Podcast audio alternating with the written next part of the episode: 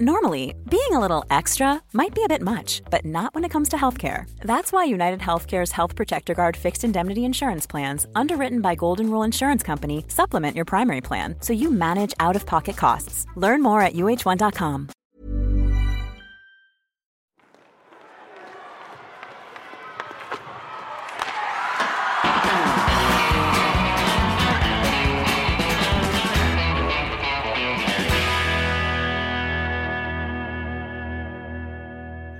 två, tre. Ja må han må leva. leva, va? Ja Ja. må han leva. Leva.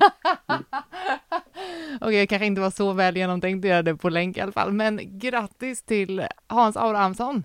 Tack så mycket! Vi har ju, vi har ju Abris i bild där jag kan säga att han blev generad faktiskt.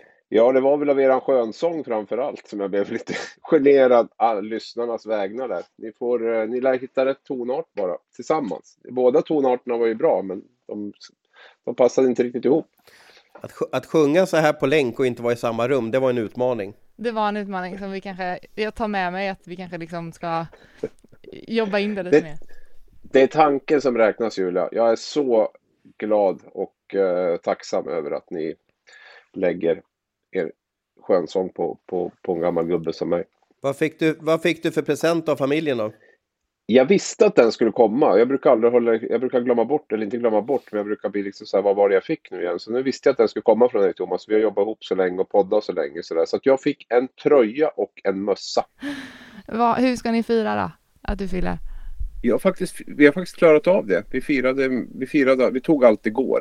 Uh, I och med att det är lite så måndag vet alla hur det är då. Det är lite barn har höstlov, ska sova länge.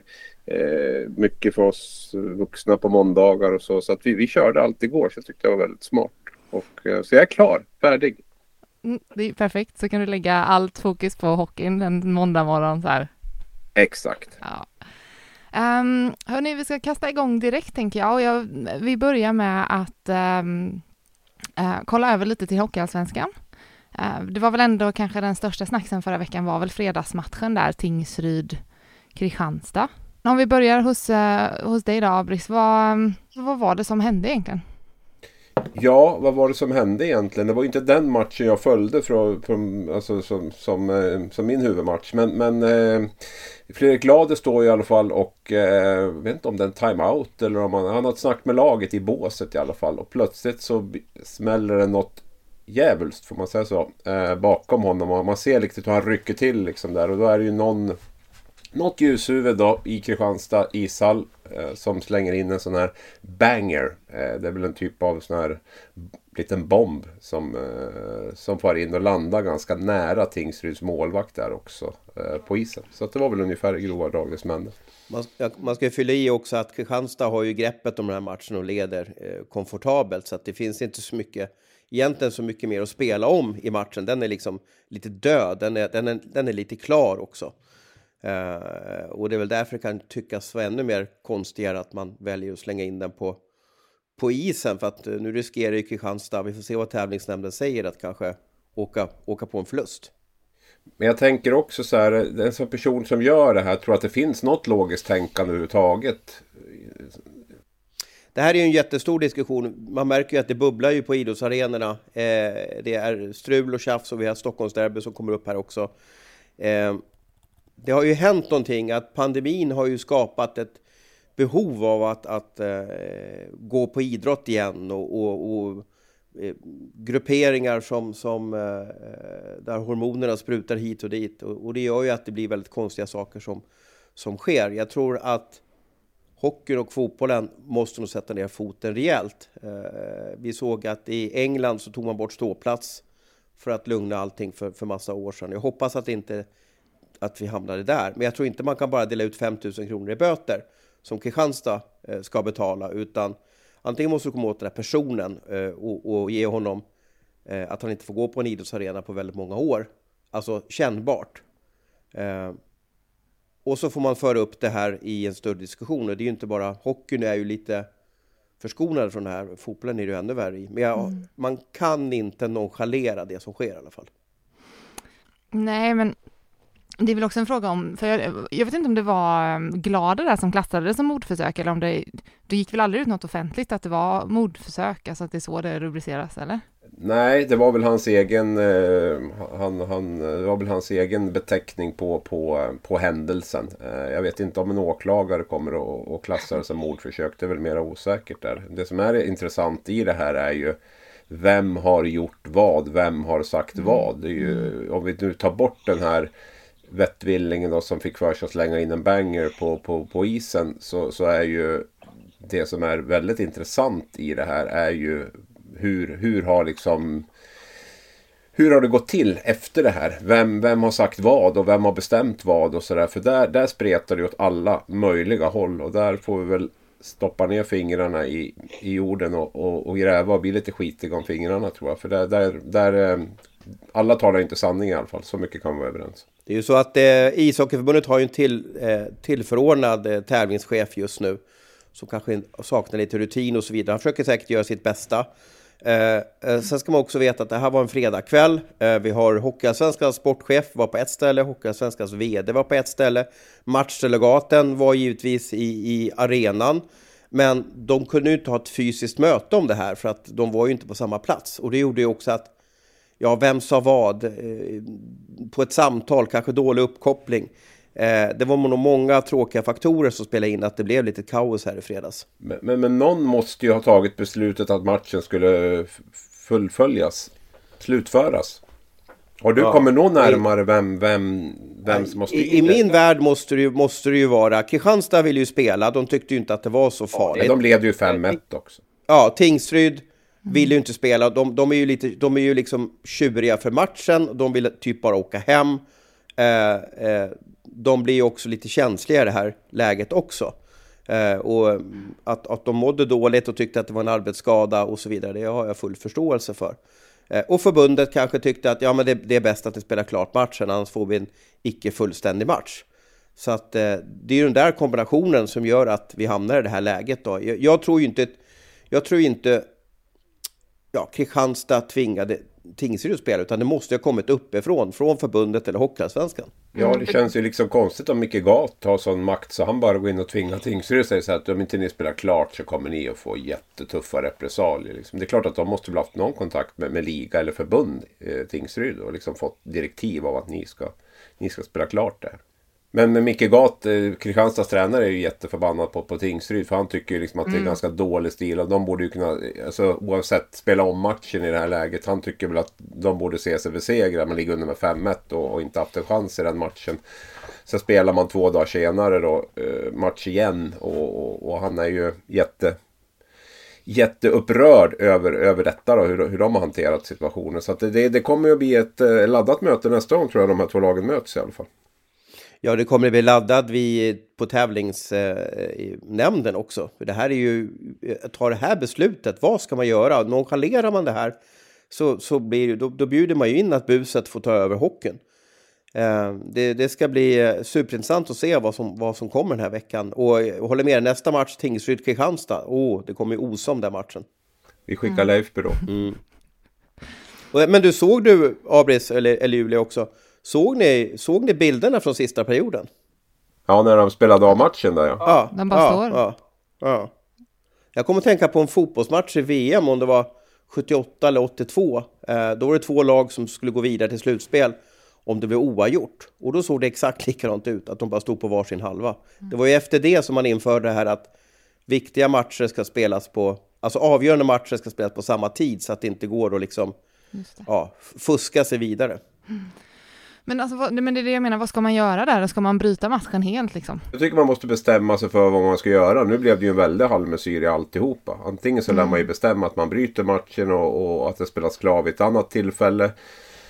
Eller så, så, eh, så lär man ju spela matchen. Alltså inte stå sådär. För det där kändes ju som att det blev ju jättepinsamt. Och, och det, en, en halvmesyr utan dess like. Så, att, så det där vill de väl aldrig uppleva igen. Och det är lite konstigt. Det måste ju finnas ändå lite klara regler tycker jag för, för vad som gäller i, i en sån situation. Så att, eh, mm.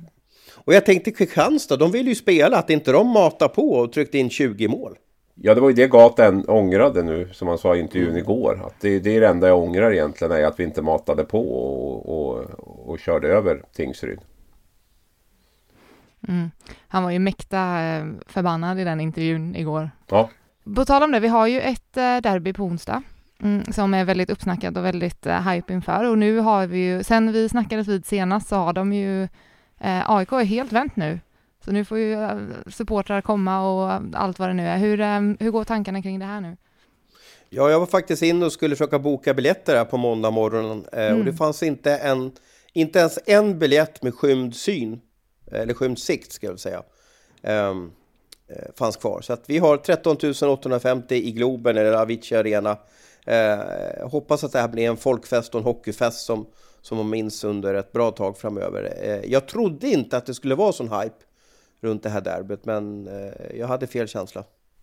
Det var väl bra timing där med guldstrid och allt i Allsvenskan också. Det är inget som, som distraherar där direkt. Det blev ju avgjort nu och så. Så att de har väl kanske börjat få lite, lite sug efter hockey nu. Mm. Ja, AIK går ju lite dåligt eh, sådär. Djurgården har ju ett väldigt fascinerande och spännande lag, speciellt nu när Linus Klasen har, har, har anlänt till, eh, till klubben. Eh, men, men derbyt, det man måste förstå att det här är ju det är en annan dimension på det här, för att aik kanske tycker att de kan rädda säsongen om de slår Djurgården. Det är oerhört viktigt. Det, det, det handlar nästan inte bara om att gå upp till SHL, utan det handlar om att ja, men vi slog Djurgården. Man, man, man, vill gå till jobbet på torsdag och känna att man är bäst i stan. Eh, det där är en häftig eh, sak som finns på en del orter och, och det kanske största vi har i, i svensk hockey är kanske ett Stockholmsderby.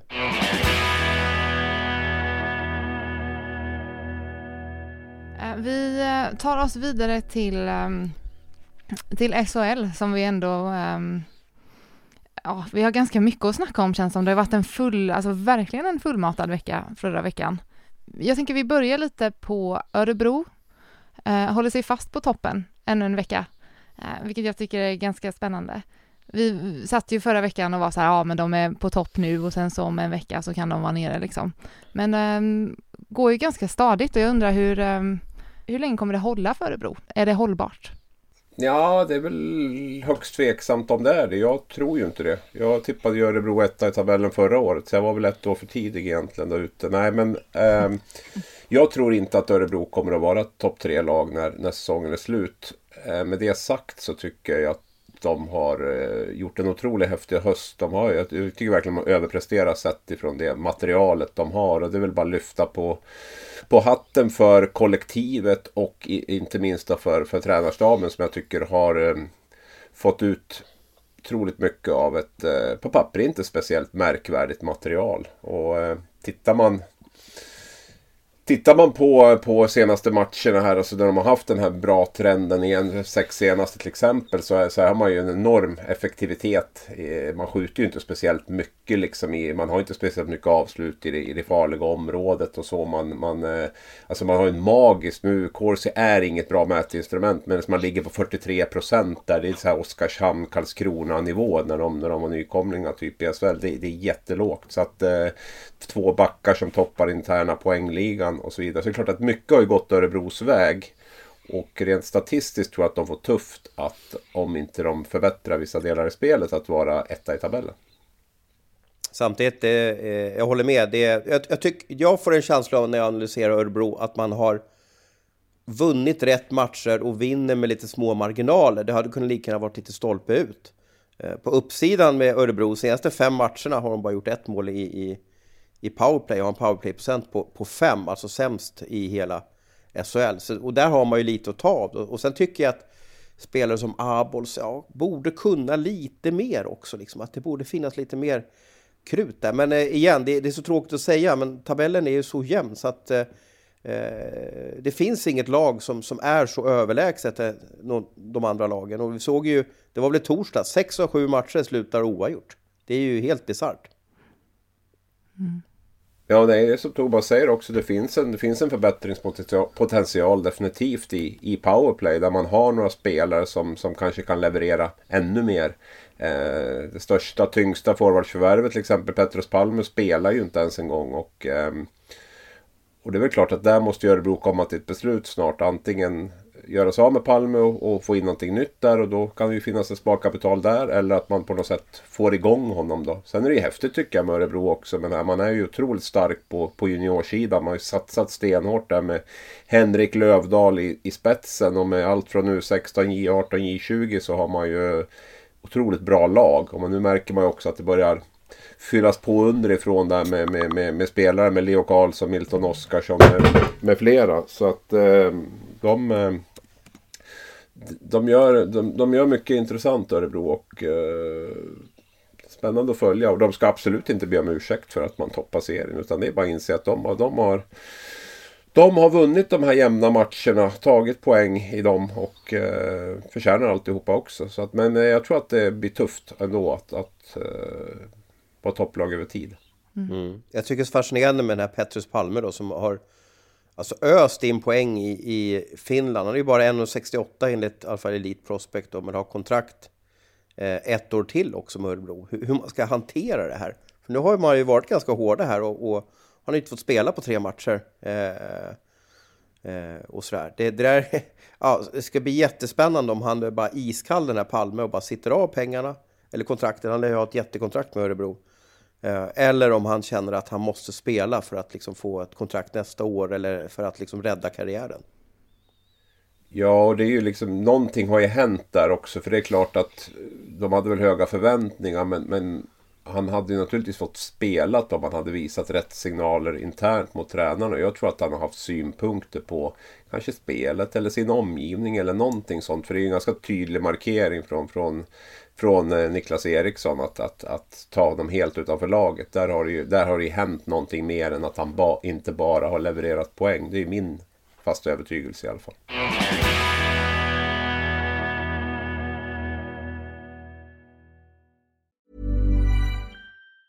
Say hello to a new era of mental health care. Cerebral is here to help you achieve your mental wellness goals with professional therapy and medication management support. 100% online. You'll experience the all new Cerebral Way, an innovative approach to mental wellness designed around you. You'll get a personalized treatment plan from a therapist, prescriber, or both in a safe and judgment free space. Your cerebral therapist or prescriber will outline a customized plan with clear milestones along the way so you can get to feeling your best. With Cerebral, you're not alone in your mental health journey. We're here to empower you to live a fulfilling life. So take that first step towards a brighter future and sign up today at cerebral.com slash podcast and use code ACasts to get 15% off your first month. Offer only valid on monthly plans. Other exclusions may apply. Offer ends July 31st, 2024. See site for details. Örebro fick ju um, De fick ju dock stryk av Timrå i lördags. Uh, efter en liten, um, en liten, kan man kalla det en liten kupp, en målvaktskupp? Eh, där i slut, i förlängningen. Jag tyckte att det var ganska, tyckte att det var ganska roligt. Um, ja, jag hajade ju till direkt, för jag liksom sådär, men så här får man ju inte göra.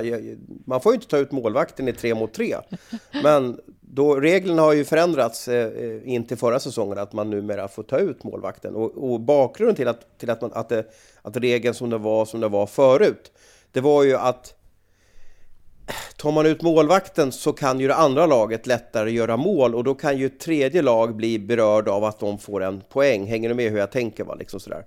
Men nu har man ju tagit bort den och, och i hela Europa nu så är det helt okej okay att ta ut, eh, ta ut eh, man har gjort, gjort en enhetlig regelbok över hela Europa och nu är det okej okay att ta ut målvakten. Jag har aldrig sett det där förut och tyckte det var hur häftigt som helst. Det jag fick, det jag fick veta när jag mässade med en domare här på söndagskvällen, det är att du får inte bara göra flygande byte, eller du får inte göra ett flygande byte tillbaka. Hänger ni med jag tänker? Utan han, om, om, om målvakten ska tillbaka in på isen så måste det vara vid en avblåsning. Uh, och där hade jag velat förändrat att, att man kunde göra flygande byte igen. För det var kul att se att han bara åkte fram och tillbaka när ja, Örebro är i anfallszonen. Liksom. I handbollen får, i handbollen får man väl göra så om jag förstått det rätt. Då lär de vara väldigt snabb att byta om de tappar puck där. Ja, och så ska ja, de ju ja, hinna ja, då liksom byta då tillbaks innan. Målvakten får ju åka så. Exakt. Ja, ja. Men du, du, det är ju det som är häftigt också när de har bytt sida på, vad heter det, båsen. Man har ju längre till bytena nu, nu för tiden då. Det var det jag tänkte säga, skulle det ens funka rent logis logistiskt ha flygande byten när man nu har så långt till avbytar? Ja, det gäller ju att du har en eh, rörlig målvakt i alla fall som kan, som kan, som kan eh, skrina på lite bra där. Så kan jag ju se mig framför hur han slänger sig i en fotbollsräddning och, och tar pucken där. Ja, det blir bra underhållning i alla fall. Mm. Ja, men det är ju det är lite, det är häftigt och det är häftigt att Timrå går i bräschen där med, med den typen. Det säger väl lite Undrar om de hade tränat på det där innan? Ja, det är jag övertygad om. Pratat ja. mycket om det och tränat på det innan. Det är jag alldeles övertygad om. Mm. Jo, men det sa väl han, eh, gud nu, har jag tappat namn, nyförvärvet där, Päijärvi, nej? Päijärvi. Att, att, att de hade, äh, att han hade hört det lite grann, sen vet jag inte om det stämmer eller inte. Men... Snackat mycket bakom då, låsta dörrar eller någonting sånt här var det. Någonting sånt ja. Ja, något åt det. Ja, nej men det är självklart att de har. Det är ju ganska stort steg att ta det här. Du kan ju liksom hamna, du kan ju få dumstruten på också naturligtvis. Då tappar du pucken två sekunder senare så så ser det ju inte så bra ut. Så det är klart att de har ju diskuterat det här, vilka som ska vara inne, hur de ska spela och så vidare. Det, det, det är ju 100% övertygad om att de, att de har gjort. Mm. Och det, är, nej, det, är, det är häftigt med Timrå. Tycker de visar ett jäkla självförtroende och, och liksom pondus och, och liksom tar det här steget också. Man har ju självförtroende i, i, i truppen på något sätt. Och det är just det här att man har skapat den här det här stabila spelet. Det var väl inte jag så övertygad om. Jag trodde ju kanske att det skulle vara lite vilda västern framåt och, och, lite, lite öppet bakåt och sådär. Men man har ju liksom förstått, eller man har ju insett det såklart att man, vi, vi har ju tillräckligt skickliga spelare för att göra mål kommer vi att göra. Våran utmaning blir att täta till defensiven och där har man ju jobbat stenhårt och, och verkligen lyckats där. Jag menar Timrå är ju Luleå light numera när det gäller när det gäller att eh, spela stabilt defensivt. Det är klart att lite går det ut över över offensiven. Det, det, kan man väl säga också. Men, men, samtidigt så är det ju absolut en, en plusvariant så här långt. Man, man vinner ju betydligt fler matcher än man förlorar. Eh, man gör fler mål än man släpper in och så vidare. Så att det, det är ju... Det är en häftig resa tycker jag Timrå har gjort. Det var det jag ville ha sagt. Och det var väl lite efter den här 6-2 förlusten uppe i Skellefteå kände jag. Där man inte var bra och där, där satte man nog ner rejält och, och bestämde sig för att det här, det här håller inte. Vi måste bli, bli bättre bakåt. Och, och sättet de har gjort det på är, är jätteimponerande faktiskt måste jag säga. Sen om vi ser till lördagens match då med det här dramat i, i sudden death då. Så eh, man åker alltså ner till serieledarna, ligger under med 2-0 efter, efter två perioder. Eh, reducerar ganska tidigt till tredje, väljer att ta ut David Rautio, målvakten, och kvitterar till 2-2, det vill säga. Och så gör de samma grej i, i sudden death, tar ut målvakten och vinner matchen. Det är, ja men gud vilken skön seger det måste vara, vilken lättsam bussresa hem till Sundsvall måste varit efter matchen. Ja, och man kvitterar ju sent även mot Brynäs under torsdagen där. Nu vart det ju förlust på straffar där då. Eh, men, men, men eh, man, är, man tog, ju, tog ju en poäng sent där också. hade man läge att ta ut målvakten där? Eller tror du att de hade tänkt att försöka samma sak där? Ja, jag måste ju erkänna att vi står ju där nere. Jag har ju sprungit ner och skulle göra en flashintervju. Och då står man ju liksom där och är ju... Man har väldigt svårt att liksom få den här överblicken. Men det, det verkade ju inte så i alla fall. Vad jag, vad jag... Du måste ju ha... Alltså ett spel tre mot tre så måste du ju ha väldigt puckskickliga spelare för att våga göra det. Ja, och sen tror jag de fick inleda sudden death med, med en utvisning också, Timrå där. De drog på sig en utvisning i slutet på matchen. Men jag är inte helt senil. Och eh, fick börja dessutom förlängningen då i tre mot fyra. Då. Och det var kanske påverkade också lite grann hur man, man tänkte.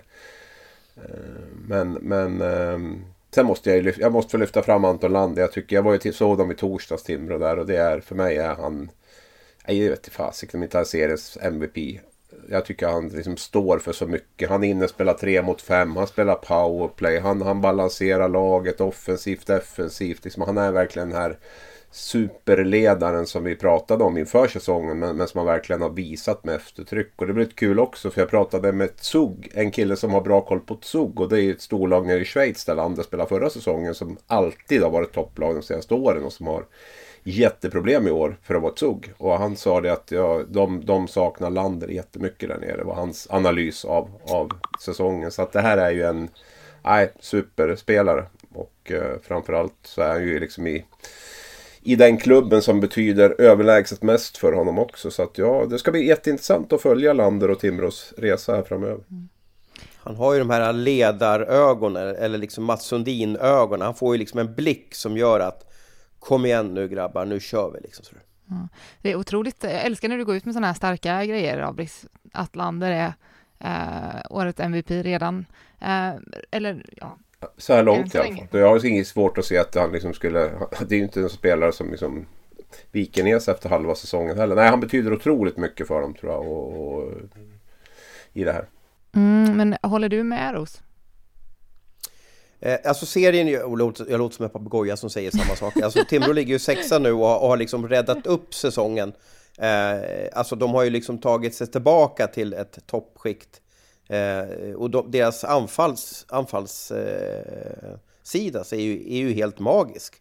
Eh, och nu gjorde ju Rautio ett bra mål i, i eller, eller en bra insats i målet också. Så att, eh, nej men det kan gå riktigt bra för dem. Eh, jag vet inte om de har värvat klart riktigt eller hur de ligger till där. De har ju fått in Lytinen nu då och skickat LaLeggia och in med Pääjärvi. Eh, vi får se, jag hade nog velat haft en till riktigt bra back i laget där. Men, men de är försiktiga med pengarna och de vet om att det blir det krävs väldigt mycket att, att hänga sig kvar och, och, och, så. Man räddade ju sig kvar via ett kval också i, ja, för ett halvår sedan då, så att man, man är nog ödmjukare där uppe. Ja, men eh, den stora frågan är, håller du också med om att Anton Lander är än så länge seriens MVP? Eh, ja, men en av dem. Eh, jag kan ju tycka Podas gör det fantastiskt bra i, i ett eh, väldigt konstigt Skellefteå. Eh, jag kan tycka Oskar Lang betyder väldigt mycket för, för Leksand och så vidare. Men om vi, vi pratar ledarskapsmässigt, det måste man ju liksom väga in i den här frågan så är ju liksom Anton Lander väldigt speciell och, och håller liksom Joel Lundqvist nivå på sitt ledarskap. Och det blir ju många pluspoäng, i alla fall i min bok. Mm. Mm, innan vi lämnar eh, Timrå lite grann tänkte jag bara det här med att ta ut målvakten nu då som de gjorde, eh, Timrå. Tror ni att det är eh, många lag som kommer ta efter? Alltså kommer vi få se det här oftare nu liksom? Är det en trend på G? Man måste ju träna på det. Man måste ju träna på det i alla fall. Att liksom mm. på något sätt, det måste ju vara en snabb signal och sen måste ju då Tränaren måste ju känna att han har rätt spelare inne som är extremt puckskickliga. Eh, eh, och, i det här fallet så hade man ju eh, Anton Vedin, Anton Lander, Per Järvi inne. Och då kände väl han att vi har så koll på pucken, vi kommer inte tappa den här pucken förrän att vi får ett avslut och kanske en tekning. Och så vidare. Och då kan vi sätta tillbaka mål, målvakten igen. Men, men, du måste ha rätt komponenter på isen som, som kan liksom spela runt. Eh, då, då kan det bli ett väldigt fint anfallsvapen. Ja, vi har inte sett det knappt alls. Oddsen på att det procentuellt, kommer att öka är ju stora. Jag tror att det, jag tror att det kommer bli, vi kommer att se det betydligt oftare. Det, det tror jag. Sen, sen om man ska vara... Eh, ja, de spelade 40... Jag sitter och räknar här. Eh, Rautio lämnade ju kassen 62.08, så 2.08 in i, i sudden death och så gjorde de mål Eh, 45 sekunder senare. Alltså, Så 45 sekunder spelar de utan, eh, utan målvakt. Det, ja, det är häftigt. Mm. Um, om vi går från um, uh, toppen rakt ner till botten tänker jag, för uh, vi pratar mycket om HV här, det gör vi, men nu har det varit en, uh, det, det, var ju ändå en viktig vecka, tre matcher, ingen, fortfarande ingen vinst. Alltså vad, vad är det som händer nere i Jönköping egentligen? Vad, är det vändbart det här nu? Nu börjar det faktiskt bli kris på riktigt.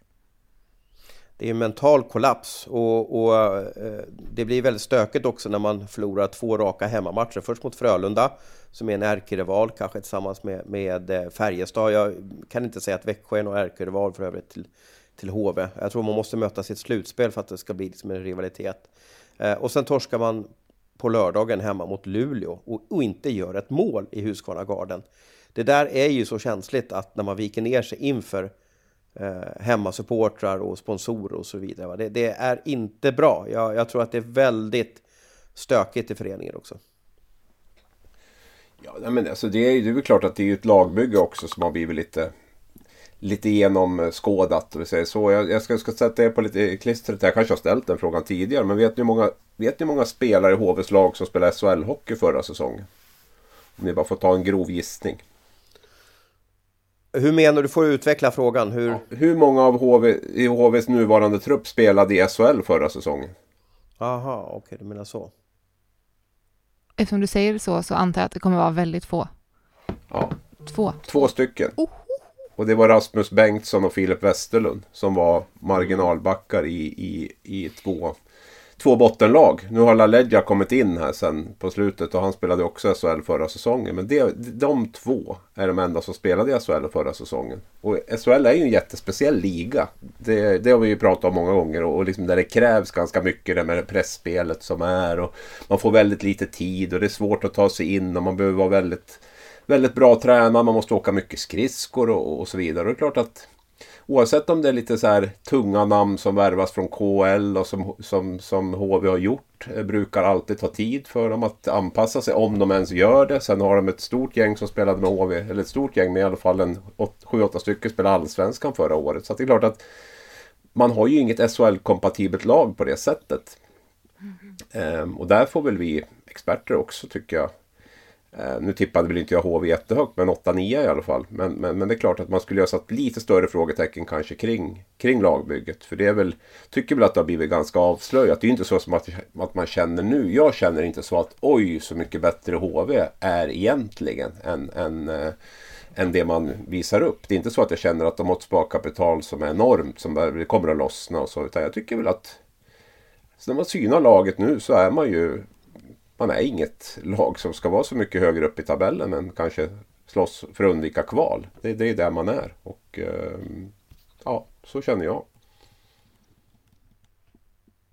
Det snackas ju nu om att eh, Kent Norberg, sportchef för HV, ska värva eh, Louis Eriksson och eh, Johan Sundström då. Det har väl ryktats hela tiden då, men det, jag har väldigt svårt att se att det ska bli ett lyckosamt drag. De, de det är ju som Frölunda-profiler ska komma. Nej, jag, jag, har väldigt svårt att se att de två kan, kan rädda eh, HV.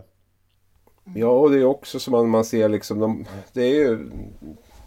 HV måste ju inse det där också, det tror jag nog att man gör på det sättet. Men att det, det, det är en kamp för överlevnad som, som gäller. Sen har man ju otroligt svårt att, att göra mål. Jag tror man är uppe i 29 mål på 14 matcher. Det är två mål i snitt per match. Och det var klart att då är det, då är det tufft att vinna, vinna matcher. Eh, Tycker man skapar ganska lite också inne i, i, i sektorn. Man hade någon match mot Linköping där man, gjorde, där man skapade jättemycket och sådär. Men, men, men eh, man har svårt att, att, ta sig in i de där i de där farliga områdena. Sen spelmässigt så ser det väl stundtals helt okej okay ut i, ibland. Eh, nu får vi se. Niklas Hjalmarsson har ju jag hyllat här och flera med mig. Så vi får väl se lite grann vilka avtryck han kan göra. Men det är klart att han kommer inte göra så många mål framåt. Det, det kan vi vara överens om. Men han kommer ju att betyda en del i försvarsspelet tror jag och han kommer väl att betyda ännu mer i, i omklädningsrummet där. Men, men HV behöver ju se över truppen skulle jag vilja säga. Sen, eh, sen riktas det ju alltid kritik mot, mot tränaren, tränaren i ett sånt här läge. Och jag tror väl att det skulle vara... Jag tror att det är svårt att göra så himla mycket mer med, med, med den truppen de har just nu. Utan jag tror nog att man bör ge Tommy Samuelsson förtroende men att man försöker att bygga om även forwardsidan till, till viss del. För att det här kommer nog inte att eh, räcka till någon till så mycket mer än, än att undvika kvalstrid. Mm. Det som är lite eh, otäckt om man är HV-supporter och kollar det är att, det att för två år sedan så behövdes det 62 poäng för att uh, undvika kval. I fjol så behövdes det 67 poäng för att uh, undvika kval. Och det innebär att, att HV, de har väl snittat en poäng per match nu. De måste över de här resterande 38 omgångarna ligga på eh, 1,3 poäng per match, typ, eller 1,4 poäng per match för att hålla sig kvar. Det är oerhört tufft. Där. Och sen ska vi säga det att, alltså, jag vet inte, det var väl, det var väl eh det brukar ju kunna räcka med de där 60 poängen för att, för att undvika kval. Och tittar man på Djurgården hade 58 då förra året. Så att 59 poäng hade ju räckt för att undvika kval. Sen hade ju Malmö 67. Men, men, men jag tror att de här 60 poängen har varit ganska ganska pålitlig indikator. Men oavsett så behöver ju HV få, få snitta rätt mycket poäng här. Och, och vi har ju sett tidigare att de lag som är där nere efter 10, säg 15 omgångar som vi är uppe i nu. De, de, de har otroligt tufft att, att uh, ta sig vidare därifrån. Så att de, nej, det kommer att bli... De kommer att behöva försöka hitta hitta lite spelare att bygga om truppen och eh, kämpa livet ur sig för att undvika kval. Det är min mm. prognos. Mm. Men du såg ju Djurgården i, i fjol vad de gjorde. Jag vet inte hur många spelare de hade på sin roster till slut. Men det, det är ju svårt det där. Ja. Det, det, är svårt att värva sig ja. liksom förbi eh, ett kval. Det... Ja, titta på HV året innan det. De försökte ju samma sak. De byggde ju om också och värvade in mycket spelare där under, under en period. Och det såg lite bättre ut. Precis som det gjorde för Djurgården så såg det bättre ut under en period. Men, men sen så så föll man tillbaka där. Så det, det, är, skit, det är jättesvårt. Och eh, inte minst nu som marknaden ser ut och du har topplag som letar spelare. Men Färjestad skulle säkert vilja in och spela. Luleå vill definitivt ha det. Rögle vill ha in det. Nu är inte Rögle topplag just nu men alltså det, det är ju det är ju så många andra klubbar som, som söker som, som om du tittar en snabb titt i tabellen är ju mycket mer sugen att spela med, med dem som, som eh, om du är spelare. För att då är du ju med och slåss i en, i en toppstrid istället. Då är det ju bara pengar kanske som gör att du går till, till eh, ett lag längre ner. Och det brukar ju inte bli så jäkla lyckat när man, när man bara går efter pengarna. Nej. Eh, men eh, Hjalmarsson har ju börjat träna med klubben nu. Har det bubblat upp något från ehm, där nerifrån liksom? Något om hans status? Nej, men jag är övertygad att han efter uppehållet, vi, vi, det är ju hockey nu den här veckan, Sen så blir det Karjala Tournament, inte i Helsingfors utan den är väl i Åbo, tror jag om man minns rätt. Eh, och sen när det, upp, när det landslagsuppehållet är över, då, då, tror jag han kommer köra med laget. Det, det behövs ju inte. Det, han, han märker ju också att ska det hända någonting, ska vi förändra någonting, då måste ju han börja spela. Mm. Tror att de vågar, tror att de har så stressat så att de kommer spela redan mot Frölunda på, på torsdag? Ja, det måste man ju se hur, hur trä... Alltså, det måste ju läkaren och Niklas komma överens om, om hans kropp är mogen att, att ge sig in i, i SHL-hockey, om han har rätt värden. Stark karaktär och, och rutinerad spelare. Jag tror inte de tvingar in honom om inte han känner själv. Utan det är nog ett beslut som han fattar helt och hållet själv. Och det, det, det blir ju väldigt eh, kittlande att se om, om han gör ja, vad blir det då? Comeback i SHL, kan man säga så då? För debut har han väl gjort tidigare när han var väldigt ung. Men, men eh, satt redan på torsdag. Mm. Kommer du ihåg att han lämnade HV eh, för en annan SHL-klubb? Fast den övergången blev aldrig av på grund av att han drog till NHL. Ja, jag satt på Scandic där i Jönköping efter en slutspelsmatch och skrev den grejen faktiskt. Vi hade säkert telefonkontakt om inte du var på plats exakt. också. Ja, exakt. Och, och det var ju att, jag minns den.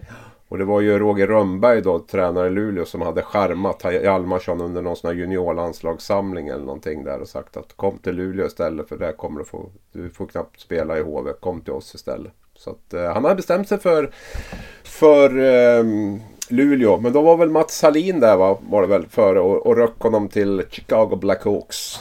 Och resten är mm, historia va.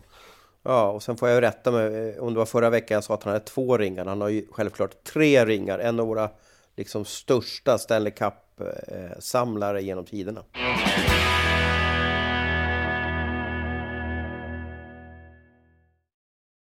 Vi var inne lite på värvningar där. Jag tänkte vi kan... Ett namn som ni slängde runt precis nyss var ju Louis Eriksson. Uh, han har ändå snackats lite om i veckan. Abris, take it away. Ja, ja men alltså det är ju, jag, jag tror att Louis kommer att spela i Frölunda. Det, men det är ju en otroligt liksom att Joel Lundqvist nu för andra gången går ut och, och, och går emot då sin, kan man väl säga, sportchef då Fredrik Sjöström och, och tränare Roger Rönnberg där och ja, stort sett öppet kritiserar dem. Eh, för att de inte tar in Louis och att han gärna vill ha det. Det, det är ju i mina ögon väldigt, väldigt anmärkningsvärt. Joel Lundqvist är ju inte en sån spelare som är ute och gapar och eh, och skriker i onödan direkt och som otroligt lojal med sin klubb Frölunda som aldrig vad jag vet liksom öppet har liksom kritiserat något beslut när det gäller en värvning eller sådär. Men, men nu verkligen ute och efterlyser att, att, eh, att man behöver ta in Louis. Det är ju det är högst anmärkningsvärt och eh, intressant också tycker jag. Mm. Man börjar ju fundera på lite smått om allting står eh, rätt till i Frölunda eller är det bara jag som tolkar det så? Ah, de har nog högt i tak eh, och, och, och sådär. Och Joel är ju, eh, nu får, jag vet, han är säkert vän också med, med, med Louis. De är ju, Joel är väl 39 år och Joel är, är, är Louis är 37 så att det, de kanske har spelat juniorhockey någon gång tillsammans och, och sådär. Och kanske i Frölunda också eh, innan, innan Louis drog över. Ehm, han är ju en målskytt, men sen är det ju frågan hur, hur, hur, hur håller han 2022, 2023? Eh, fyller 38 år nästa år. Alltså, och, och, då måste ju de förändra, de måste ju ta bort någon. De har ju värvat på sig spelare eh, och byggt ett lag. Och tar man in honom så måste ju någon bort också. Ja, jag tror att det här är en jättejobbig fråga för dem. Det handlar ju dels om att man har liksom tagit ett principbeslut här där man ska ja, vi, vi, spelar yngre spelare, vi spelar in dem. Man har väl också en ekonomisk fråga naturligtvis att ta hänsyn till. Vilket jag tror i och för sig inte är jätteproblem för, för en klubb som Frölunda. Och jag har förstått det som att Louis inte behöver ha någon, kräver någon monsterlön för att spela heller. Men jag tror att det framförallt handlar om att man har tagit ett beslut en gång om att inte ta in honom och eh, krypa till korset nu kan nog vara ja, lite, kännas lite sådär för, för Roger Rönnberg och även Fredrik Sjöström där då med, med, med, hur man ska göra. Men det är klart att det här är ju en, en jobbig grej som ligger över, över Frölunda. Hur man ska hantera det här med, med, med Louis. Jag tror att han kommer att spela Frölunda. Jag är ganska övertygad om det faktiskt. Och det är ju det är som att säga att de har ju en lång historia ihop. De måste ju spela ihop i Dallas också. Louis och, och Joel Lundqvist där. Så att de, de, de är ju väldigt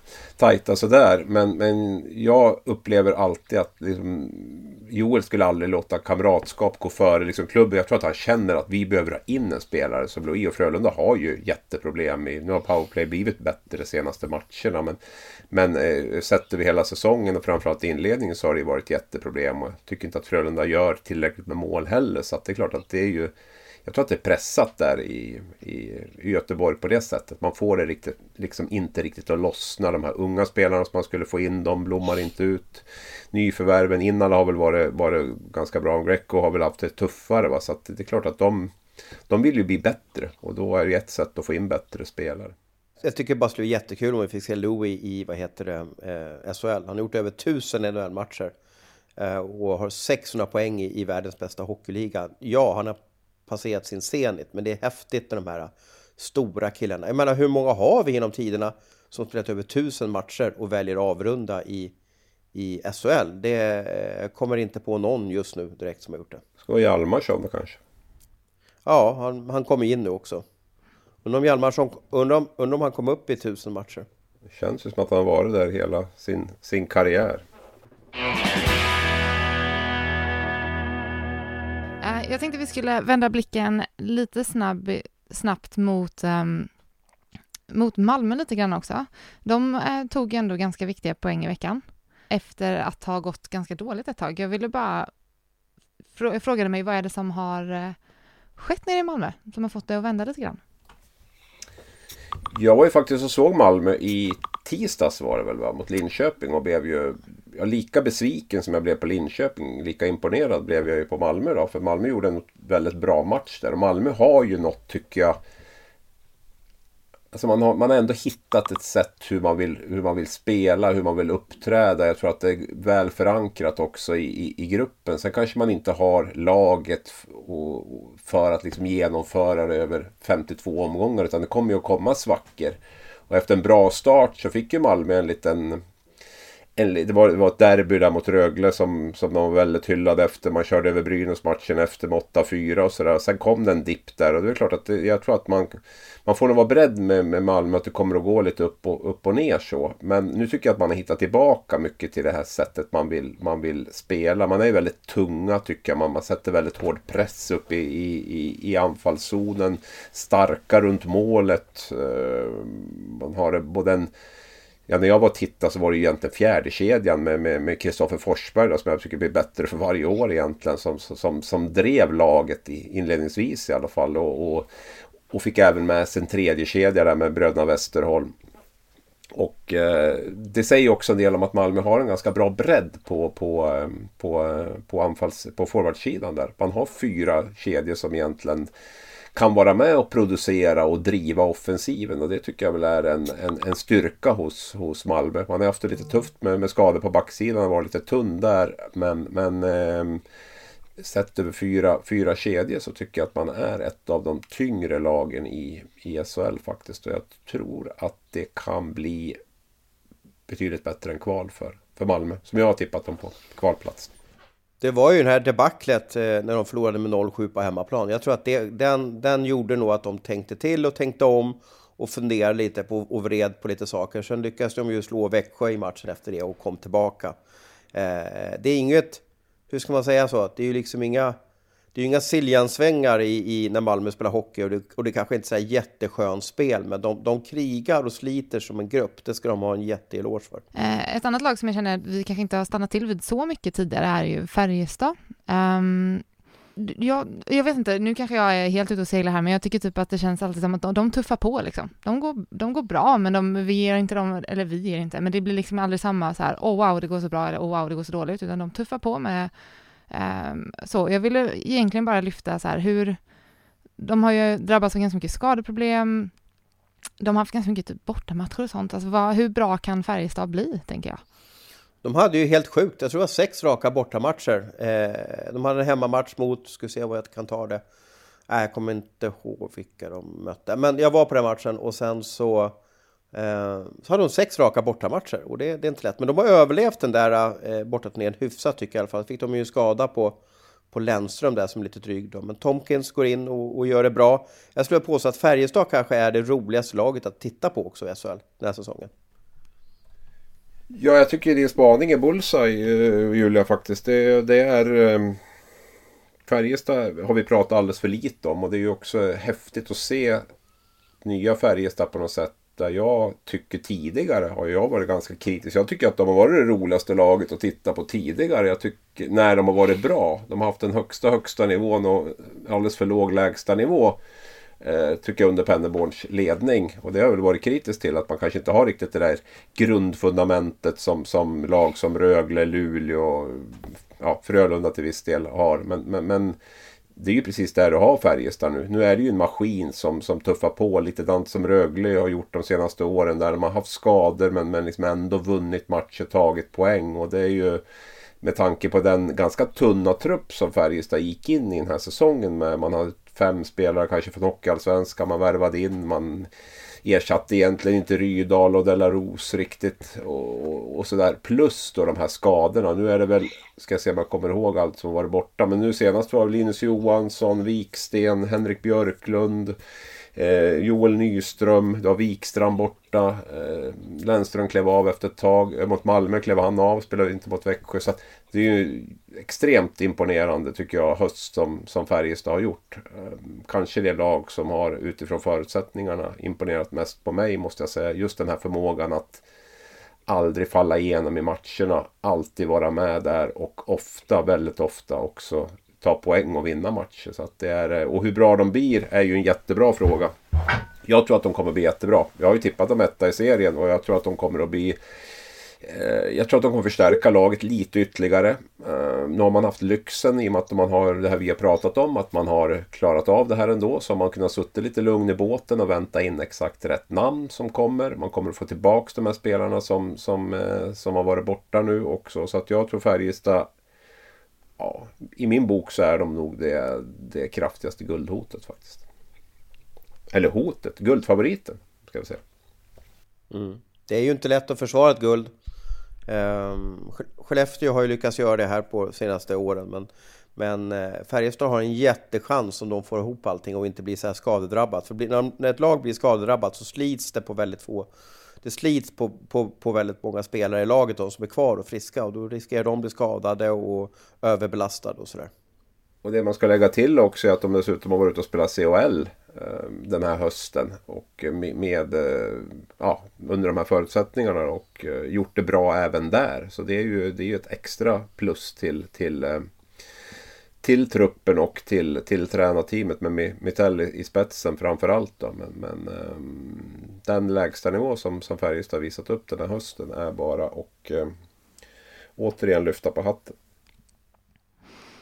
Alltså jag, jag uppskattar det sagt. Vi har säsongens MVP och vilka som kommer ta guldet. Liksom. Ja, jag sticker, jag sticker ut hakan idag, märker ni det? Ja, men då kan väl, då kan väl Abris, födelsedagsbarnet kan väl ta vilka två lag som, som, eller vilket lag åker ur?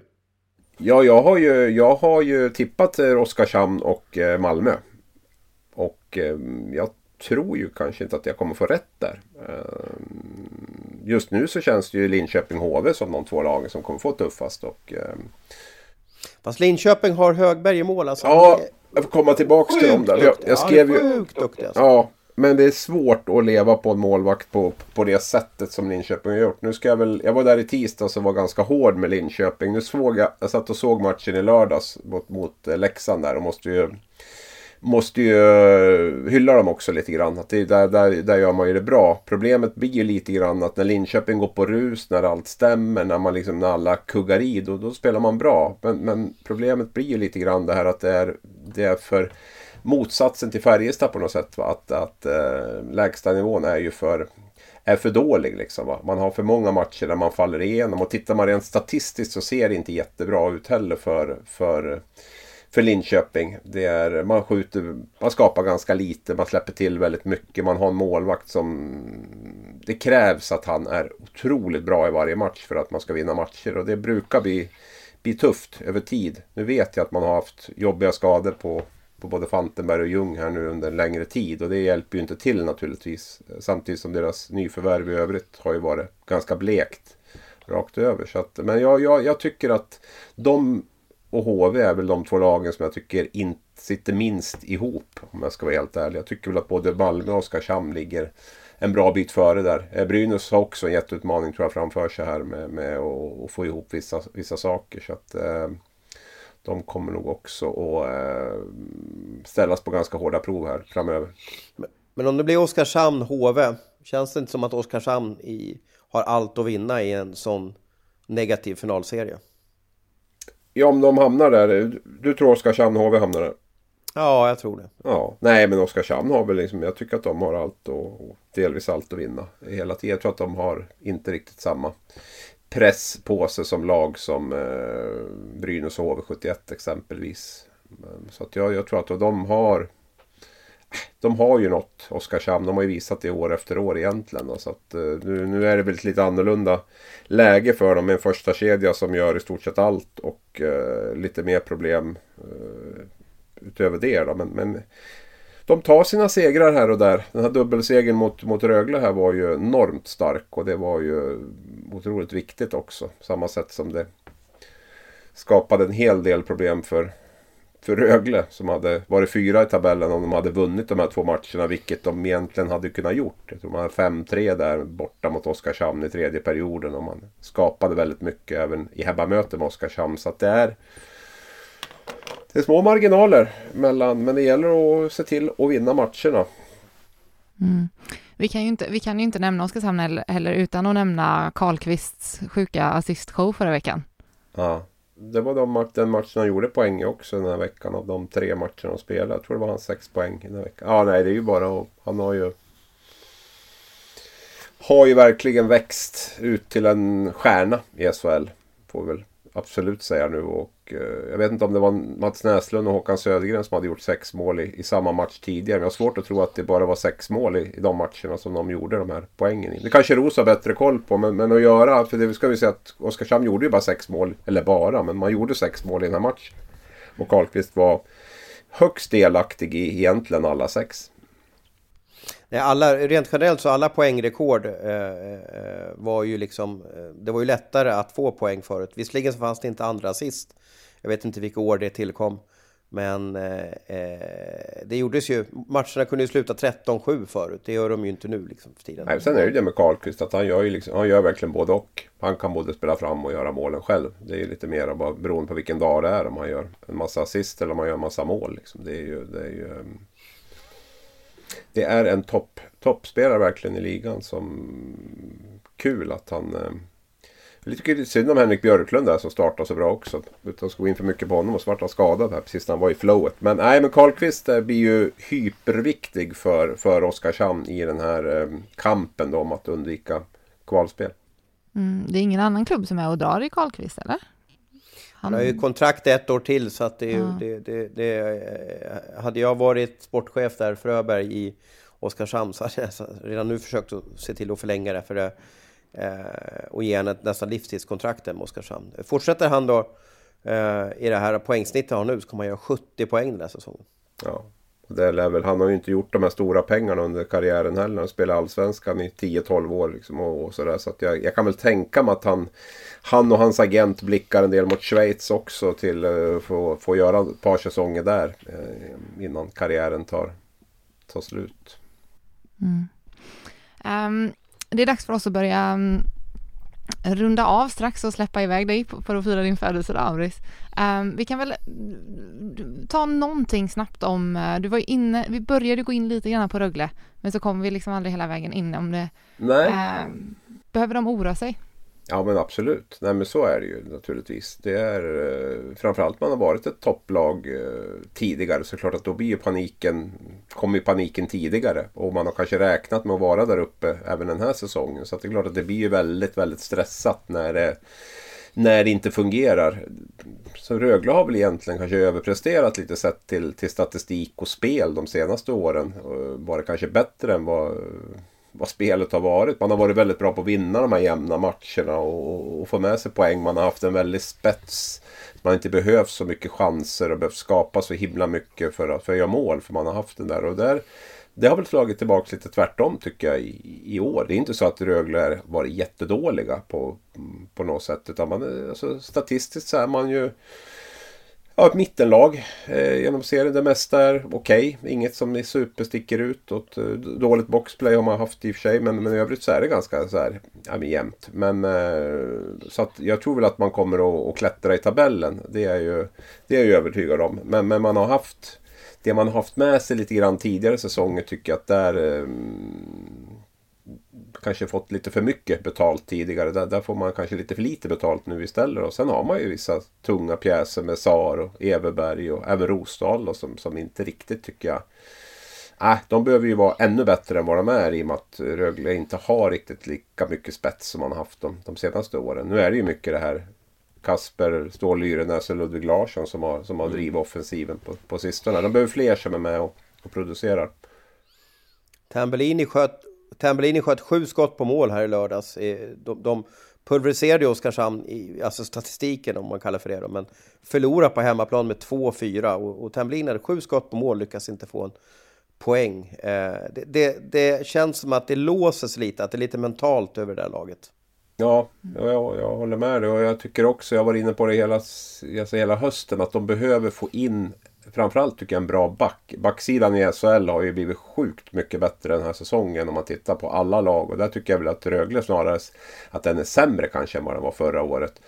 Och det tycker jag också är ganska tydligt i, i spelet med puck nerifrån att man, att man eh, har problem där. Så jag, jag skulle ju det var väl Linus Sandin var ju liksom en bra värvning men rent krasst så kanske det Rögle egentligen behöver mest är ju en back och en center. Nu var det väl liksom för bra för att tacka nej till Linus Sandin och han kommer ju bli jättebra för dem över, över, de här, över tid. Han har ju tre års kontrakt där och så. så att, men, men eh, jag tror att Chris Abbott måste eh, förstärka den här truppen faktiskt. Så tycker jag att de har halkat in lite på det här som man kan kalla för projekt. Att de tar många unga spelare, de värvade ju Niederbach nu då från, från Frölunda, för att kunna utveckla dem och liksom sälja till, till eh, eh, NHL. Jag tror man har, om jag räknar det snabbt, tio spelare som är draftade eh ja, till NHL och, och ja, men Tony Sund kanske inte ska tillbaka till, eller till NHL. Men de andra är liksom rätt ålder och ska då vara ett projekt som slutar med att man hamnar i NHL och att det kommer ticka in NHL-pengar då till Rögle. Jag tycker man har stirrat lite blind på den där grejen att oj, nu ska vi utveckla NHL-spelare för det, då, då vinner vi som klubb och då får vi mycket pengar också. Jag, jag, man kan inte bara bygga ungt utan du måste tänka lite, ha lite rut, eh, rutinerade spelare också ett lag. Ja, nej, det är ju, det är ju huvudet på spiken absolut. Där, men där, samtidigt så var jag vara, jag har ju liksom hyllat det här till stor del också. Sen finns det ju det är ju en balansgång. Man, jag tycker också att man har tippat över lite för mycket den här säsongen och kanske att det är lite för få eh, äldre etablerade tunga namn som ska bära laget och lite för många yngre oetablerade. Så att den här, där har väl vågskålen vägt lite, lite skevt för dem nu och det får väl klart att det måste ju Chris och framförallt Chris Abbott då, och eh, rannsaka sig själv lite grann i, i, i lagbygget då hur man har, har satsat där. Eh, och med det så um, tänker jag om ni, det beror på om ni vill så kan vi köra en veckans snyggaste, veckans fulaste, men jag vet inte om ni preppade någonting. Ja, men snyggaste tycker jag väl, jag måste hylla, eh, kanske lite knepigt, men det, det, är så som jag tycker om. Jag såg någon sekvens när Dani Rahimi gick ner och täckte skott eh, med bröstet och ansiktet, alltså gled på knä mot, eh, mot skytten. Det tyckte jag var häftigt. Men den som är den som, den som gör ungefär samma sak i, i eh, uh, SHL och, och tacklas som en tjur och orkar tacklas hela matcherna, det är ju Folin i Frölunda. Jag tycker han är värd att få, få nämnas i, i sånt här sammanhang. Ja, veckans fulaste måste väl ändå bli de här är det bengaler de heter? Eller vad var de tände i, i Örebro där? Två stycken var under, under matchen där och... Eh, nej, jag blir bara så förbannad och less när man ser det där inne, inne i en arena eh, inomhus. Det, det kan så fort gå så snett eh, snabbt så att det, det blir veckans fulaste för mig. Jag bara hoppas att vi inte får göra sådana rubriker på onsdagskvällen eh, eh, i samband med eller efter eller innan Stockholmsderbyt. Mm. Det hoppas jag också. Vad ser ni mest fram emot i veckan som kommer? Nej, Stockholmsderbyt. Mm. Ja, jag får väl säga avslutningen här på, på SHL då inför, inför uppehållet. Vissa lag har ju, har ju tre matcher kvar här nu va? och de flesta spelar bara två matcher den här veckan. Men, men, men ändå just att följa den här dramatiken som jag tycker ändå att det är redan nu på, på eh, när så många lag är inblandade i, i det här framförallt kvalstriden då. Slutspelet mm. kommer ju att få sin uppmärksamhet sen.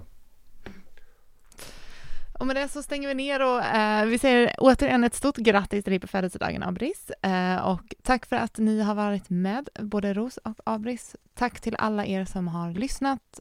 Har ni frågor, kommentarer, funderingar så vet ni vart vi finns. Eh, och så hörs vi igen nästa vecka.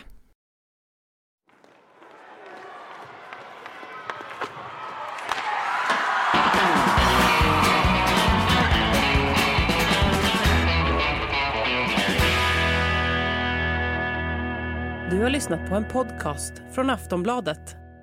Ansvarig utgivare är Lena K Samuelsson.